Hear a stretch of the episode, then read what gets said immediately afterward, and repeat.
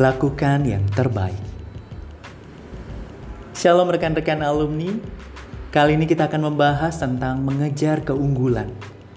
Tentu saja maksudnya bukanlah supaya kita harus selalu lebih unggul dibanding orang lain. Namun supaya kita bisa mencapai versi terunggul dari diri dan keberadaan kita. Dalam khotbah 9 ayat 10, segala sesuatu yang dijumpai tanganmu untuk dikerjakan, kerjakanlah itu sekuat tenaga.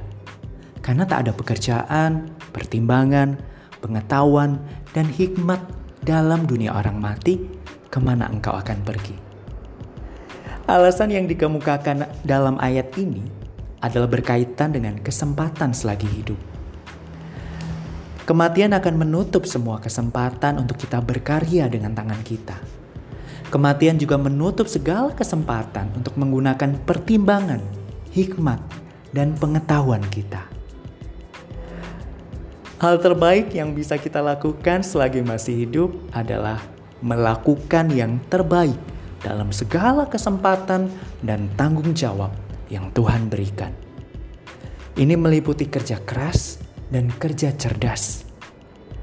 Kerja keras berarti bekerja sekuat tenaga dengan tekun. Kerja cerdas mengupayakan penggunaan pertimbangan, hikmat, dan pengetahuan dalam mengerjakannya. Jamieson Fawcett Brown dalam komentarnya menulis, The soul's play day is Satan's work day. The idol, the man, the beast, the tempter. Pada hari di mana jiwa kita bermain-main, tidak serius dengan apa yang Tuhan percayakan, itu adalah hari kerjanya setan. Semakin malas seseorang, maka semakin sibuklah si pencoba. Dengan kata lain, orang yang tidak mengerjakan dengan sungguh-sungguh apa pun yang Tuhan percayakan kepadanya, Sebenarnya ia secara tidak langsung sedang membantu setan menyukseskan agendanya. Dalam kitab Amsal menuliskannya dengan cara demikian, tepatnya dalam Amsal 18 ayat 9. Orang yang bermalas-malas dalam pekerjaannya sudah menjadi saudara dari si perusak. Melakukan yang terbaik dalam segala yang Tuhan percayakan dalam hidup kita adalah juga merupakan cara terbaik untuk menyiapkan diri menghadapi kematian.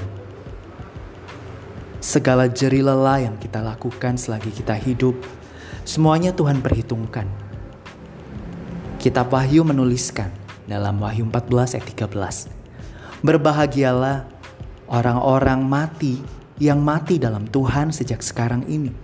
Sungguh, kata roh, supaya mereka boleh beristirahat dari jeri lelah mereka karena segala perbuatan mereka menyertai mereka. Rekan-rekan semuanya, marilah mengusahakan yang terbaik dalam segala pekerjaan dan pelayanan yang Tuhan percayakan kepada kita. Yohanes Agung